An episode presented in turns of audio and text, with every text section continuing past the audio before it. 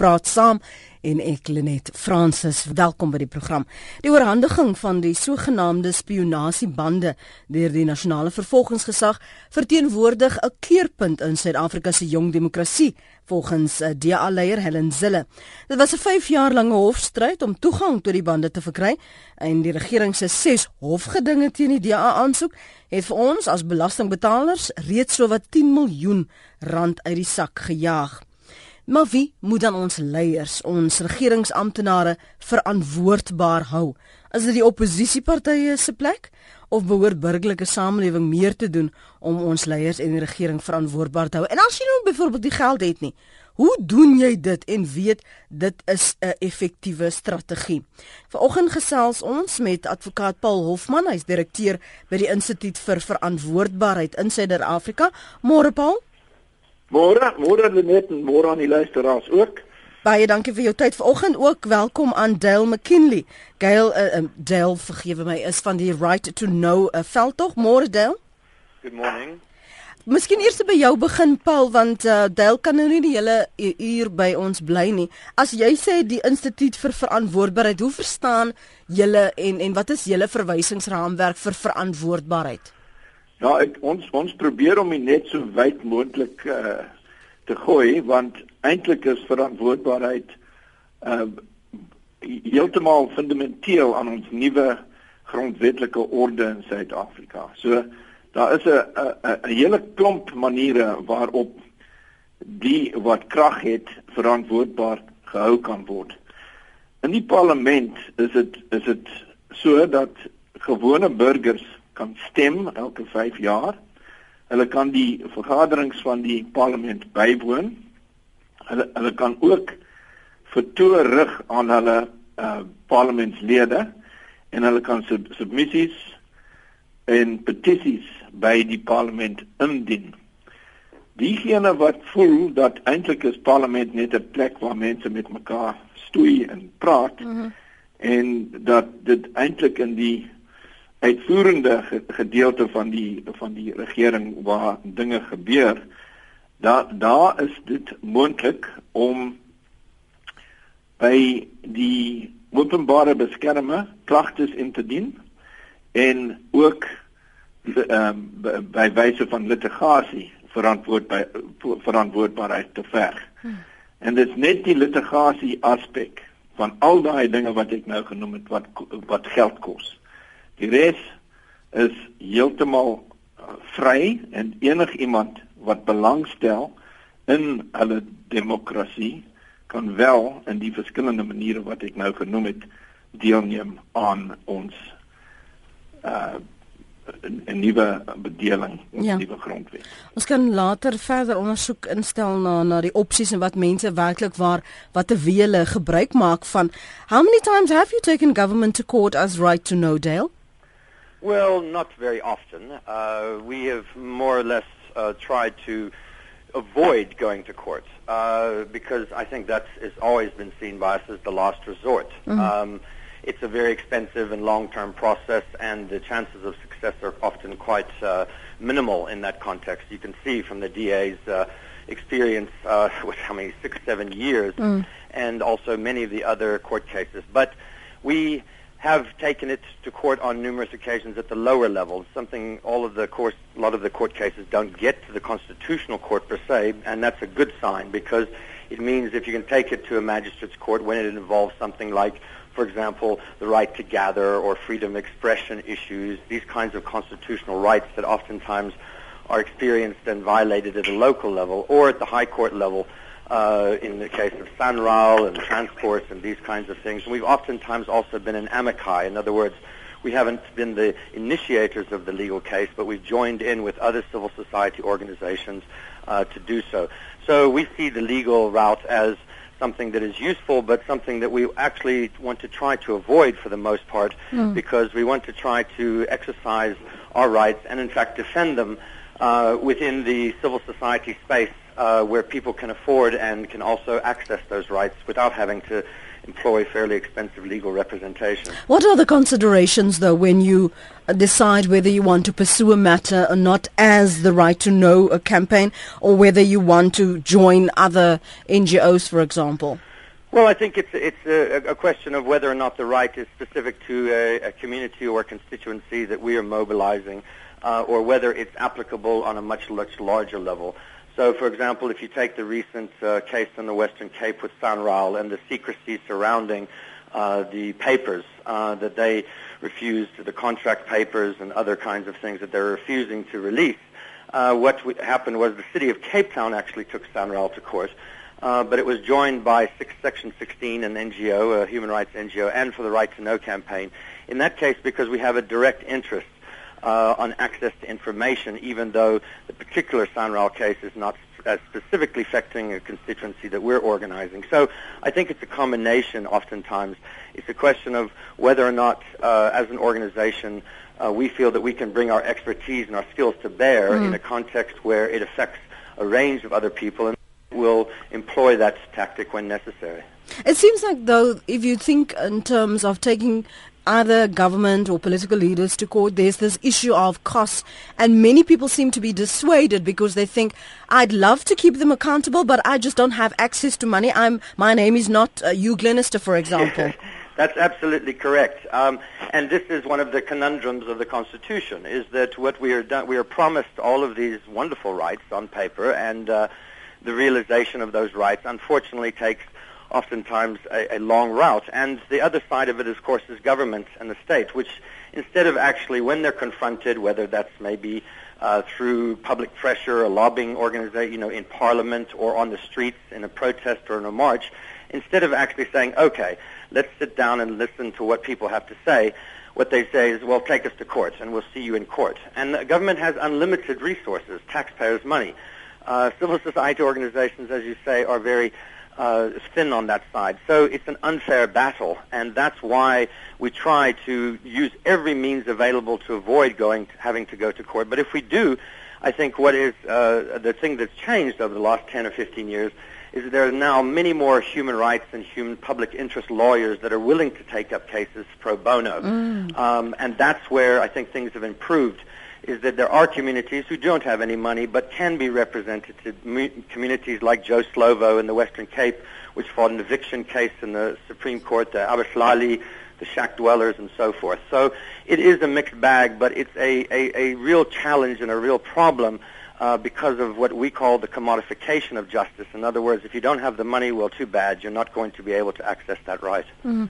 We can talk a little bit in detail about what you've achieved and particularly what the, the challenges has been when you've decided, okay, maybe we should wait a little bit longer. Let's quickly first uh, take a call. Connie is op die lyn. Hy gaan saampraat en dan kan jy reageer op 0891104553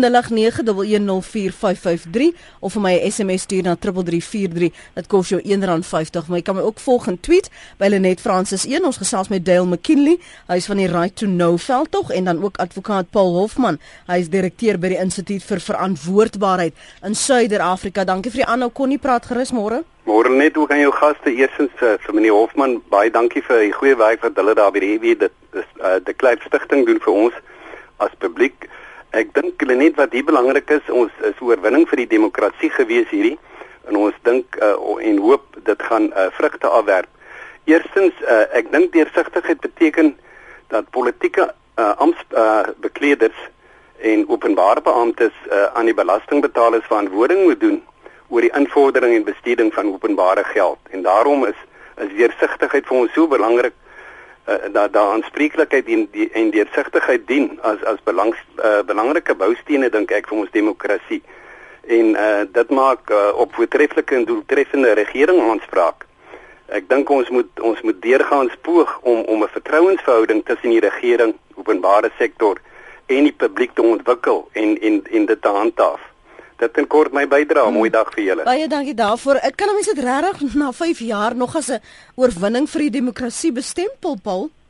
Ja, ek ek ehm um, Corrie is onder van indruk. Ek is nie meer met die FW die kerkstigting nie. Ek ek in die die uh, instituut vir verantwoordbaarheid is is uh, nie aan enige politieke party uh, gebind nie. Ons ons doen ons ding. Mm. Heeltemal apart daarvan. Ek het wel die sentrum vir grondwetlike regte begin vir FW, maar ek is daar weg so 5 jaar terug. In geval die die wat Corrie sê in verband met deursigtigheid en verantwoordbaarheid is is heeltemal korrek. Dit staan daar uiteengesit in artikel 1 van die van die grondwet en hoofstuk 1 van die grondwet eh, het te doen met die hoekstene van ons nuwe bedeling.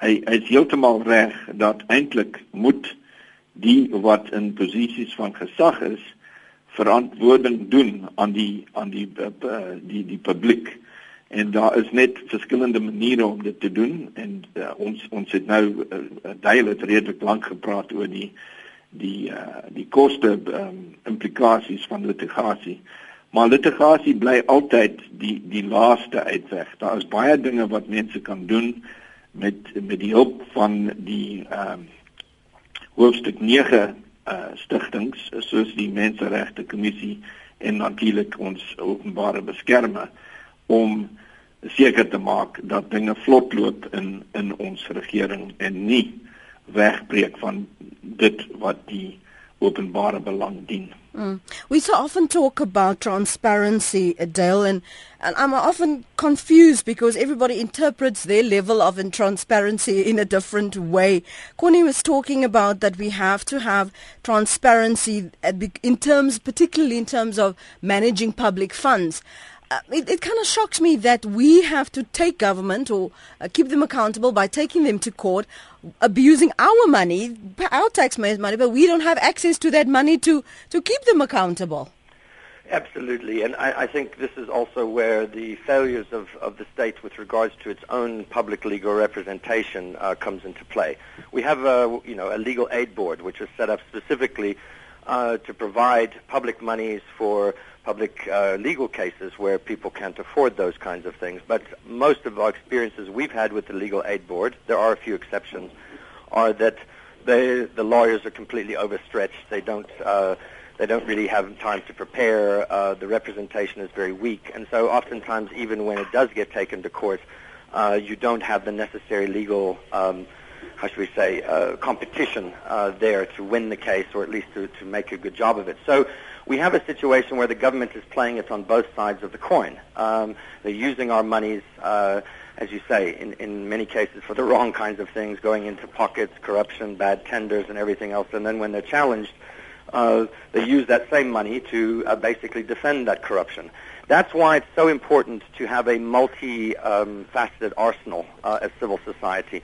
If we simply rely on the legal route, I think that we're going to get defeated more often than we're probably going to win, not because we're wrong, but simply because of the resources. Where the strength of civil society lies is in its ability to mobilize public opinion and to put pressure on governments on a moral as well as social and political basis. Remember, we are a democracy, and in that context, uh, we have seen many examples over the last 10 or 15 years where government has been forced to back off or to change a piece of legislation or not to follow through with something because of the outrage, because of the pressure, because of the mobilization, and the right to know. Obviously, the secrecy bill is the prime example mm over the last mm three years, and we didn't have to go to court once. Um, so there is, I think that's the, that's the key, is that civil society must, uh, as if to use the metaphor, put many, many arrows in its quiver, and it depends on which the circumstances, which one you're going to use. Uh, the another point that Connie raised was this relationship of trust that needs to exist. But how do you build that, though? Well, yes, that's think, a difficult one. You know, uh, this, it's a very difficult one. I, and I think in some ways, unfortunately, we've gotten to a situation in South Africa where uh, many there's very very few politicians that we can say we trust, or very few. There might be some, um, but often they're few and far between. And so we have a fairly conflictual relationship with the state, whether that's at local or national level. That's not the way it should be. And I think the longer term solution to li- that lies obviously in the political realm, where we can have a system, and I believe that we, we need to change the system of, of to direct representation. We have a, a political and electoral system which takes the representation to the party um, as opposed to the people so that essentially we, we, we can't go directly to our representative in Parliament and say, you're not representing your constituency. And I think levels of trust can be developed when politicians feel that pressure on a constant basis and they know they're accountable to that electorate. If they feel accountable to a political party, uh, then that trust is going to break down fairly quickly as it has. Thanks so much for your time this morning. Appreciate it, Dale McKinley. Hy is van die Right to Know veld. Tog Paul, ek weet jy wou iets byvoeg uh, net voor ek vir Dale gegroet het. Ja, nee, ek wou net saam saamstem met hom dat wanneer dit by verantwoordbaarheid in die parlement kom, is dit so dat parlementslede meer bang vir hulle baase by die politieke partye is as wat hulle bang is vir die vir die mense daar buite. Hulle verantwoordbaarheid is aan die mense wat by Letuli huis in die hoofkwartiere van van die DA en die EFF sit en nie by die mense nie. En dit is as gevolg van hierdie partylysstelsel wat ons nog steeds gebruik in ons land al was dit bedoel net vir die eerste ehm um, verkiesing in in 19 uh, wel 20 jaar terug. En uh, ons het dit nooit gewysig nie. En dit doen inbreuk op verantwoordbaarheid want eintlik is die parlementslede net stemvee vir hulle politieke partye. En hulle hulle uh, hulle hulle kontak met die mense wat hulle uh, gestem het tydens verkiesings word verlore as gevolg daarvan dat hulle hulle posisies in die parlement kan verloor as hulle nie hulle party party lyn volg in in in die stemmery wat aangaan in in die parlement. En dit beteken dat te veel van die die krag in die land eintlik by die uitvoerende aspek die die kabinet die premiers van die van die uh, verskillende uh, uh provinsies hulle hulle het eintlik die uh, heeltemal meer krag as as wat die parlement en en die uh, rade in ons land het. En dit is gevolg van 'n 'n strukturele probleem wat eintlik nie aangepak word nie want dit pas vir die politieke partye dat hulle soveel krag oor hulle uh vir, vir verteenwoordigers in die uh, in die parlement mm. en en en elders het. So uh, daardie probleem kan aangespreek word deur gewone mense deur om hierdie uh optredes te neem wat niks geld kos nie. En ek ek ek uh, ek herhaal, maar ek dink dis dis dis uh, belangrik om te herhaal. Mense wat nie stem nie kan eintlik nie kla nie. So die eerste ding wat elke uh, uh, dit van die van die publiek in Suid-Afrika moet doen is om te stem tydens die die verkiesings elke 5 jaar en daar kom weer verkiesings uh, in, in minder as 2 jaar op hmm. plaaslike vlak. Die tweede ding wat wat uh, gewone mense wat niks geld het nie kan doen is om deel te neem in die uh, werke die die die werkswyse van die parlement deur om by te woon deur om lede van die parlement te nader met hulle pro probleme deur om submissies vertoë en petisies by die parlement in te dien. En as dinge nog steeds verkeerd loop, dan is daar wel al hierdie instituie in in uh, hoofstuk 9 van ons grondwet en uh, voor vooraanstaande tussen hulle is natuurlik toe die Madonsela en en haar span, maar ook die menseregte kommissie wat wel die implementering van menseregte in Suid-Afrika kan steun. Dit is dit is hulle uh, hele rede vir vir vir, vir hulle stigting en hulle hulle kan behulpsaam wees deur om met die publiek uh, as tussenskakel en met die regering te onderhandel om 'n beter bedeling te kry en dit dit dit het wel ehm um, uh, goeie gevolge gehad in in die in in die verlede en kan gebruik word sonder koste in die toekoms. Kom ons kom ons staan gou stil daar. Laat ek net uh, by ons luisteraars hoor en toets in hoeverre baie van hulle al byvoorbeeld 'n vertoë gerig het aan hulle uh, parlementslede, die mense vir wie raadslede vir wie hulle gestem het. Uh, hoeveel van julle het nou al briewe geskryf of dalk e-pos geskryf of 'n afspraak gaan maak en gesê hoorie ek voel baie sterk oor hierdie saak. Ek wil hê jy moet dit vir my aanvoer. Ek wil hê jy moet vra daaroor vra um, as my politieke ver, uh, verteenwoordiger. Of as jy nie dit gedoen het, hoeveel van julle het al byvoorbeeld 'n submissie bygewoon of 'n petisie onderteken en waaroor het dit gehandel en hoekom het jy so sterk daaroor gevoel dat jy gevoel voel dit, maar ek wil my handtekening hierby voeg. Wat was die kwessie? 0891104553. Ek was verstom om te sien, Paul, hoe baie mense aan hierdie ASL Ice Bucket Challenge deelneem en dit op uh, Facebook plaas en nimmer niemand iets te sê het byvoorbeeld oor die ander sake wat ons raak hier in Suid-Afrika wat ons passiefvol is maar net 'n klein handjie mense gaan staan gaan by 'n wone 'n simbisie by of maak 'n punt daarvan dat hulle stemme gehoor word. Uh, Duile het net nog gepraat van ons met openbare mening mobiliseer, maar doen ons dit genoeg? Nee, glad nie en dit is dit is eintlik iets waaroor uh, Mampela Rampela dinge reg gekry het voordat sy 'n politikus geword het. Sy het met daai uh what's um subject to citizen dit dit was haar haar veldtog en wat sy eintlik doen is om die die werkswyse van gewone mense te probeer verander. Ons het lank gesit onder die parlementêre stelsel, die soewereiniteit van parlement gesit in die ou Suid-Afrika waar dinge van bo afgekom het en mense het gedoen wat hulle wat van hulle verwag word deur die regering. Nou is is is die is die stelsel heeltemal andersom en daar behoort in ons demokrasie 'n stelsel te wees waar mense eintlik daagliks deelneem in hulle demokratiese bedeling.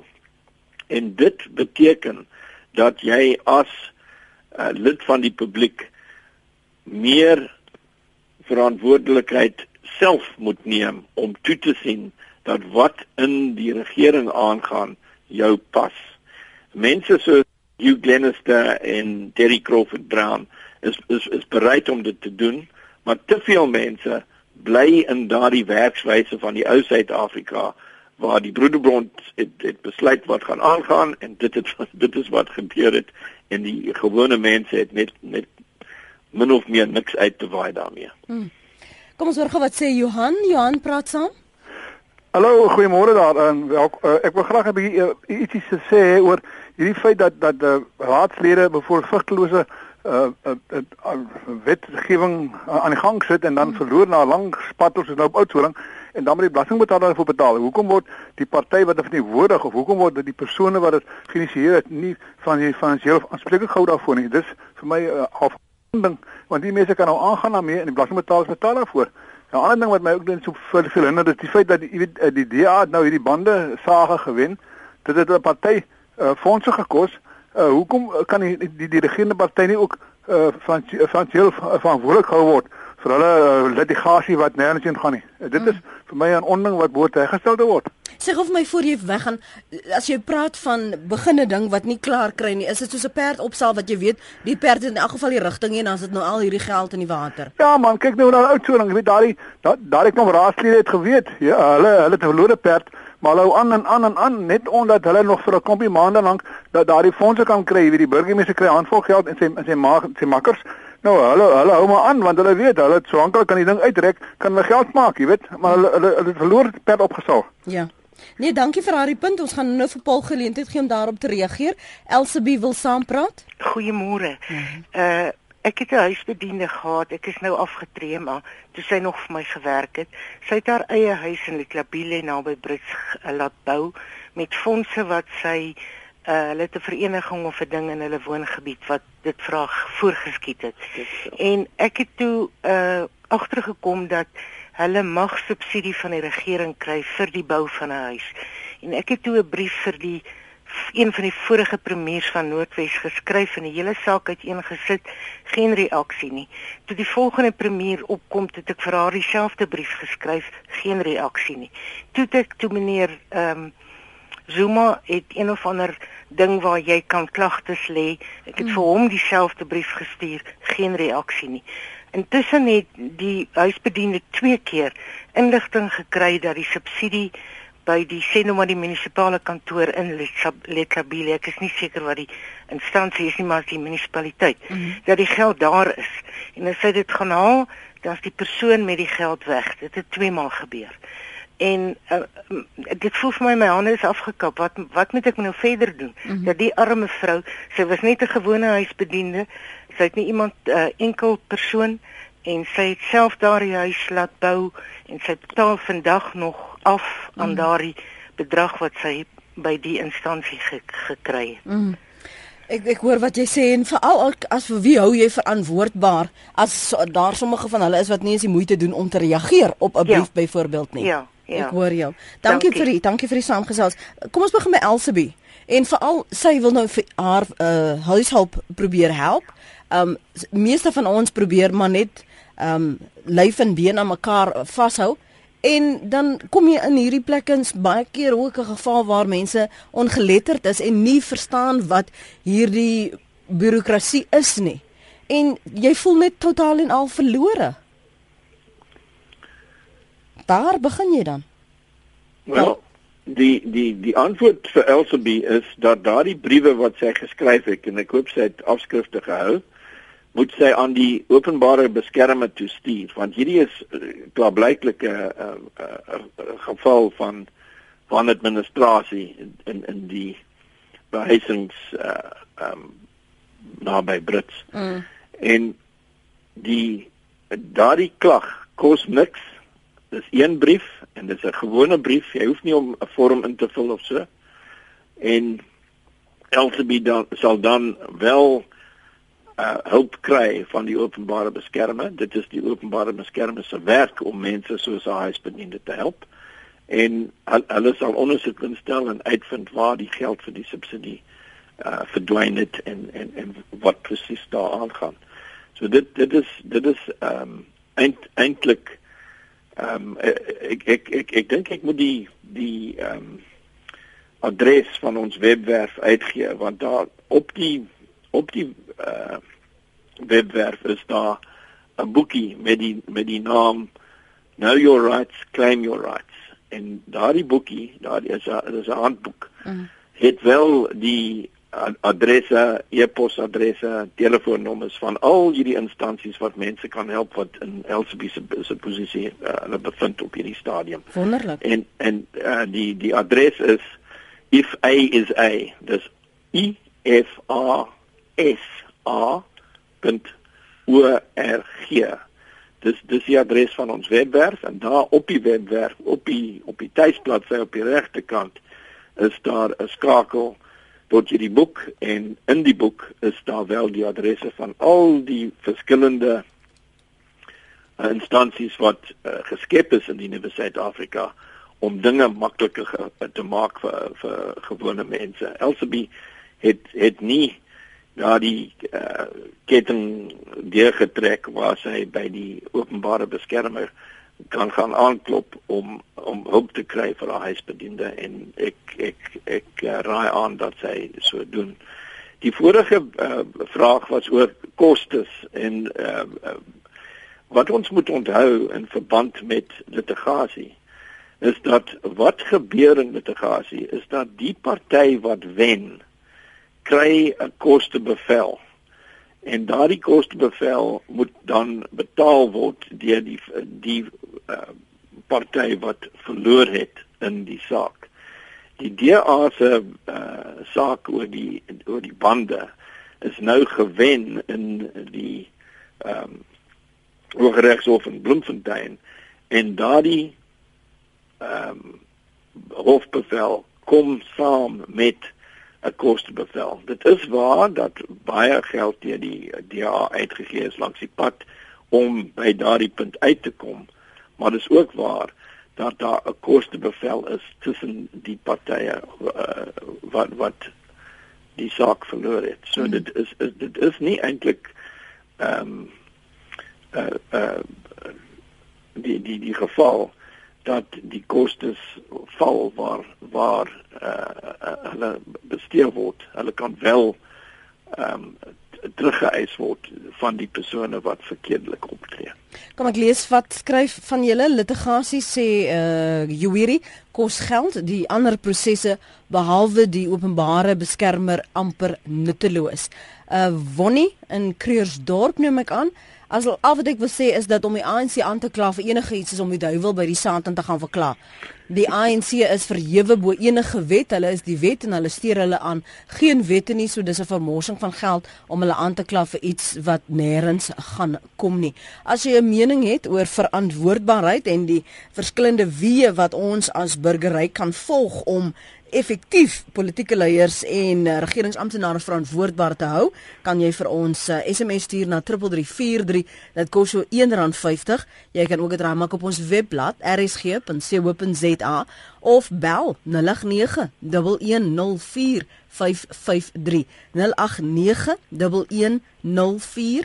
0891104553 of my volg en tweet by Lenet Francis 1. Ek gesels ver oggend met 'n advokaat Paul Hofman. Hy is direkteur by die Instituut vir Verantwoordbaarheid in Suider-Afrika. Pieter Mulder skryf 'n tweet hierso: "Gelukkig het ons in Suid-Afrika 'n grondwet wat ons regte beskerm. Daarom gaan ons hof toe en is jy onskuldig tot jou geld op is." En dan uh, Anne Marie wat tweet gemeenskappe van arm woonbuurte woonbuurte vergewe my staan en veg saam maar die regering op hul eie sulfondaan uh, selfvoldane magseiland. Terug na die lyne Piers daar Pier praat saam. Dankie môre Lenet. Môre. Uh, Lenet ek wil net noem ek voel dat uh, die aanstelling van regters en hoë profiel amptenare in die regering moet aangestel word deur 'n komitee wat bestaan uit alle verteenwoordigers van die politieke partye in gelyke hoeveelhede. Mm. Verstaan? Laat daar nie 'n uh, uh, een uh, die die stem kan uitgooi nie. Sê 3 ANC's en 2 DA's en daai tipe dinge nie. Mm -hmm. Verstaan? Mm. En uh, want ek voel Jy weet ons kan nou teen Malema stem en maak net soos ons wil skree. Maar hy is heeltemal reg dat hierdie uh storie van die mynwerkers die, die as hy sê die ANC het hulle geskiet aan sy reg want die polisiehoof is aangestel deur die ANC en hy moes die hoof hy moes die bevel gegee het om te skiet. So hulle het hulle eie mense geskiet.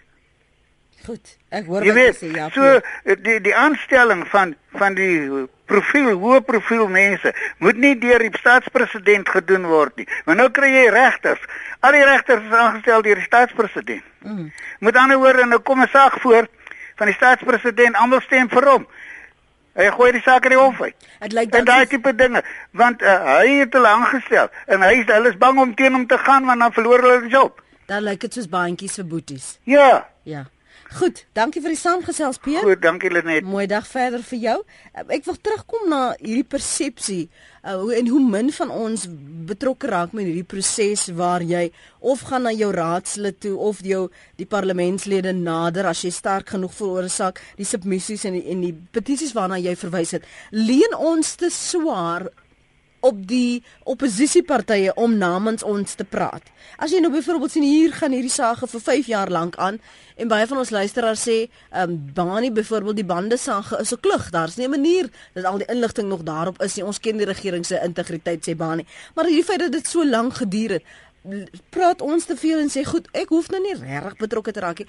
Die DA of die so en so of daai politieke party gaan dit nou namens my doen. Ja, wel dit dit gebeur nie altyd dat die DA of enige oppositie uh, politieke party optree ehm um, uh, vir veral ehm um, wat die wapentyd storie betref is is dit nie politieke partye wat wat die die uh, die die swaar ehm um, voorbereidings gedoen het daar. Dit dit was gewone mense soos Andrew Feinstein wat wel op 'n stadium 'n ANC parlementslid was Henny van Vieren wat die boek Devil in the Detail geskryf het saam met Paul Holden en natuurlik Terry Crawford Brown wat dit is nou gewone mense, vier van hulle wat ehm um, dik boeke geskryf het oor oor die korrupsie in in daardie ehm um, uh, pakket wat wat mm. uh, ons nou uh, sit met wapentuig wat ons nie nodig het uh, waarvoor ons moet betaal met met uh, geld wat ons geleen het. Uh dit die dieselfde geld in verband met die uh afskaffing van die skerpioene en die uh vorming van die die valke. Dit is nie 'n politieke party wat daar optree om die wan uh bestuur wat daar aan reg te stel. Dit is dit is Hugh Gennister en die Helen Suzman stigting wat, wat wat die werk daar doen. En dit is eintlik mense wat baanbrekers werk doen in verband met die idee dat almal moet deelneem in ons nuwe demokratiese bedeling. Mm. Die punt wat gemaak is in verband met die aanstelling van regters deur die president, daar is wel probleme met die uh, geregtelike dienskommissie want dit het 'n caucus daar van ANC lede. Maar die president kan nie net wie ook al hy wil hê as as 'n regte aanstel nie. Hy hy doen dit op uh, op op die basis dat daar 'n aanbeveling kom van daardie uh, stigting en en uh, die die die kommissie self het 'n verskeidenheid uh verteenwoordigers. Ek stem saam met met die uh persoon wat ingebel het dat eintlik is daar probleme met die uh meerderheid wat die ANC daar geniet. Maar dit is sekerlik beter as die ou stelsel waar dit eintlik net die die kabinet en die president was wat mm. wat, wat besluit het. Net gou weer vir diegene wat nou hier op die SMS lyn vra vir die webadres waarna Paul Hofman verwys het. Dis ifisa. So dis 'n i f a i s a.org. i f a i s a.org. Dis die Institute for Accountability in Southern Africa. So dit is die webadres as jy dan nog meer inligting verlang. Is ek kom reg daarso? Het ek kom reg daar uh, Paul? Ja, heeltemal reg. Die maklikste manier om dit te, te, te onthou is if A is A. Dit want die F en die S is altyd heeltemal die mekaar. En as 'n mens nou net sê if A is A en dit in moeder Google se se se Ek sien nou die akroniem het dit geskep if A if is A. Is A. Ja, ja, dit nee, nou dit is die maklikste manier om die naam te hou en ehm um, ons werk ons werk daarop om 'n maklike naam te kry en een een of ander uh, dag gaan gaan ons vorendag kom met 'n veel makliker ehm um, akroniem vir, ja. vir vir ons stigting want nou, dit ja. is 'n iets van 'n mond vol op die oom. Ja, ek verstaan. Maar as jy dit nou net so tik byvoorbeeld, dan sê jy www.ifai.org en, en daar ja. daar kom hy uit. Uh, nou sê maklik genoeg. Google Google sal help, ja. ja. Kom ons gaan na die lyne toe vir ons praat oor 'n uh, pret en vermaak. Ons praat oor verantwoordbaarheid vanoggend hier op RSG se praat saam. Anoniem Blue Dance praat gerus môre. Uh goeiemôre baie, dankie vir die geleentheid soos die Engel, Engelsman sê we are fighting a losing battle.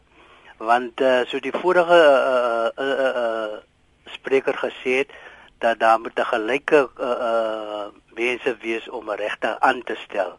As dit nie daar is nie dan uh, sal dit nooit regkom nie. En om met, met jou probleem na jou uh, uh, LP toe gaan is ook dit werk uit nie. Maar nou, ons verloor oral. Maar nou nou, jy kan mos net nie net een keer probeer en dan Nee, ek probeer, ek probeer al van 20 jaar gelede af tot nou toe en dit werk nie. So uh die wat uh, Julius Malema uh, mee besig is, is in 'n mate goed vir my. Mm maar wat die ander goede betref teen Zuma, we are fighting a losing battle. Nou ja. Dis 'n uh, anoniemse mening daarvan Blue Dance Riken in Rodepoort. Wat sê jy? Goeiemôre Lenet. Môre. Ekskuus. Lenet nee, daardie gedagte van 'n verdeling van uh partye wat die regters moet aanstel, uh, ek gaan daarmee saam in 'n sekere sin, maar ek wil graag die logiese vraag vra wat gaan gebeur as jy dan nou 'n staking van stemme het? Jy moet tog 'n arbiter hê wat op die einde van die dag dan kan sê nee, julle het almal 5 stemme en, en al 5 stem vir hulle eie man, dan moet iemand kan intree. Maar wie is die persoon wat moet intree? Die verantwoordbaarheid is by ons as belastingbetalers. Hmm. Daar het hier het ons in Rodepoort die geval van 'n begrafplaas waar ek by 3 party raadslede die eh, vandalisme van die begrafplaas verskillende verskillende politieke partye nou verskillende die mm. Vryheidsfront die ANC en die uh, eh, DA mm dit uh, vir 5 jaar nou al gaan dit aan.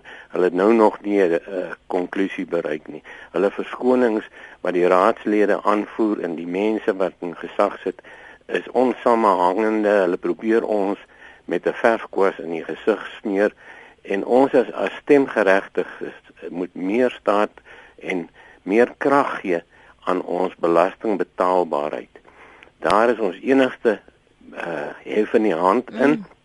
en Julius het nou gewou op in, in die parlement opgespring en al die dinge maar hy is ook maar 'n gevaar want as hy in die stoel sou kom sit van meneer Zuma gaan hy nog 'n erger uh politieke rigting inslaan. So al wat ons as belastingbetalers wit, swart, indiërs, kleurlinge almal saam moet saam staan en sê my rand is nie meer die rand wat ek het nie. Ek soek waarde vir my geld. Want hierdie uh, uh, munisipaliteite en uh, die hele regeringsstelsel is ondoeltreffend. Daar's geen verantwoordbaarheid by hulle nie. Hulle is nie bereid om na die stemgeregtigde of die man wat sy geld betaal te luister nie, want hulle is fat cats. Goed. Dankie vir daai mening, Nik. En as jy dan nou voel in Nik, Nik se geval, hy het na vir hierdie verskillende partye gegaan. Niemand het gereageer nie en hy voel ons moet ons mag meer gebruik want ons is belastingbetalers. Dan moet 'n mate van verantwoordbaarheid wees jy het net nou verwys na die openbare beskermer en en dit sluit aan by my verwysing vroeër van ons leen te swaar op oppositiepartye om dan nou namens ons te gaan praat. Hoe kan ons daardie kantoor se hande sterk as ons dan nou sê goed, ek het nou my stemmetjie 'n bietjie swak of te te te te klein of nie hard genoeg nie. Um, ek voel ek kan gaan beklei nie, maar ek kan haar byvoorbeeld of daardie kantoor versterk. Hoe doen jy dit? Ja, kyk, wat, wat aangaan by die ehm um, openbare beskermer se kantoor op die oomblik is dat sy eintlik die werk van 'n 'n teenkorrupsie entiteit moet doen as ook die werk wa, waarvoor sy aangestel is wat wat, wat te doen het met met wanadministrasie. In niks geval sou ek vir hom aanraai om by die uh, openbare beskermer aan te klop want ek dink wat daar aangaan in die be begrafplaas is iets wat in e-, eintlik in haar mandaat wel val en uh, veral as hy by drie verskillende politieke partye aangeklop het en niks reg gekry het nie is dit die tipe geval waar die uh, openbare beskermer behulpsaam kan wees as ook 'n kwessie van is is is die polisie daarvan verwittig en uh, het hulle enigiets daaromtrent gedoen want ons ons ons weet ons het altyd uh, Robert McBride om ons te help as die polisie nie hulle werk doen nie. Robert McBride. Ja, hy hy hy's nou uh, hoof van iPad, né? Ja, ja, die OKD. Dis hoe kom ja. ek nou net dubbel seker gemaak ek het ek het reg gehoor wat jy sê. Nee, ek ek weet waarna jy verwys. Want sommige mense gaan daar op reageer en sê, "Hæ?" Ja, ja. Ja, nee. Los los dit gou net daar. Ek net weer eens vir jou vra. Die die sukses want aan die einde van die dag wil jy nie al hierdie geld instoot en al hierdie um moeite doen en dan voel jy maar soos daar ou die ou van Blue Dance gesê het uh, dis 'n dis 'n losing battle nie. Ja, ek glo nie dis 'n losing battle nie. As dit 'n losing battle was, sou meneer Glennis dit nie gewen het met sy uh, litigasie en hy's nou vir die derde keer na die na die um 'n grondwetlike hof in Braamfontein. Uh, dit, dit hy hy is die enigste individu in Suid-Afrika wat 3 keer by die by die uh, grondwetlike hof aangeklop het in in verband met ons gebrek aan 'n teenkorrupsie entiteit in Suid-Afrika. In sy eerste keer het hy probeer om die skerpioene te red en hy het dit nie reg gekry.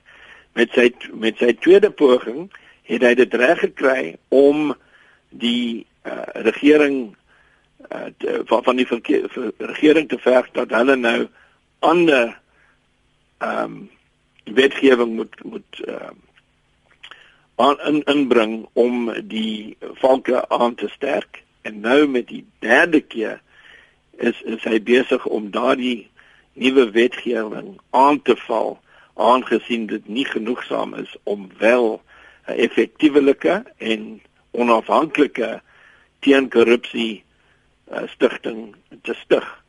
En as hy dit nou reg kry by by sy derde besoek aan die hof, dan gaan ons wel uh, behoorlike teenkorrupsie uh, maatreëls kan tref. Nuwe wetgewing uh, uit uh, miskien wel 'n nuwe kommissie soos soos wat die openbare beskermer en die menseregte kommissie en die ouditeur-generaal en al die klas van goed wat onder uh, hoofstuk 9 sit. Miskien sal ons 'n integriteitskommissie of 'n teenkorrupsiekommissie kry uit hierdie stappe wat geneem is en as ons by die punt uitkom waar ons wel teen korrupsie maatreëls uh behoorlik getref het dan dan is dit nie 'n saak van ons verloor op op elke vlak. Ons verloor nie op die oomblik nie want meneer Geneste is gelyk gegee in sy tweede poging en hy gaan heel waarskynlik iets uit die derde poging uitkry. So uh ons ons ons moenie uh, hande opgooi en uh aanneem dat uh, alles verlore. Dit is nie die saak nie. Baie dankie vir jou tyd vanoggend advokaat Paul Hofman. Lekker dag verder. Plesier. Dankie vir die Weile. dankie vir die geleentheid. Dankie. Hy is direkteur by die Instituut vir Verantwoordbaarheid in Suider-Afrika. Ek sien baie het navraag oor hoe en wat die verwysing is vir die webwerf. Kom ek maak dit gou weer duidelik.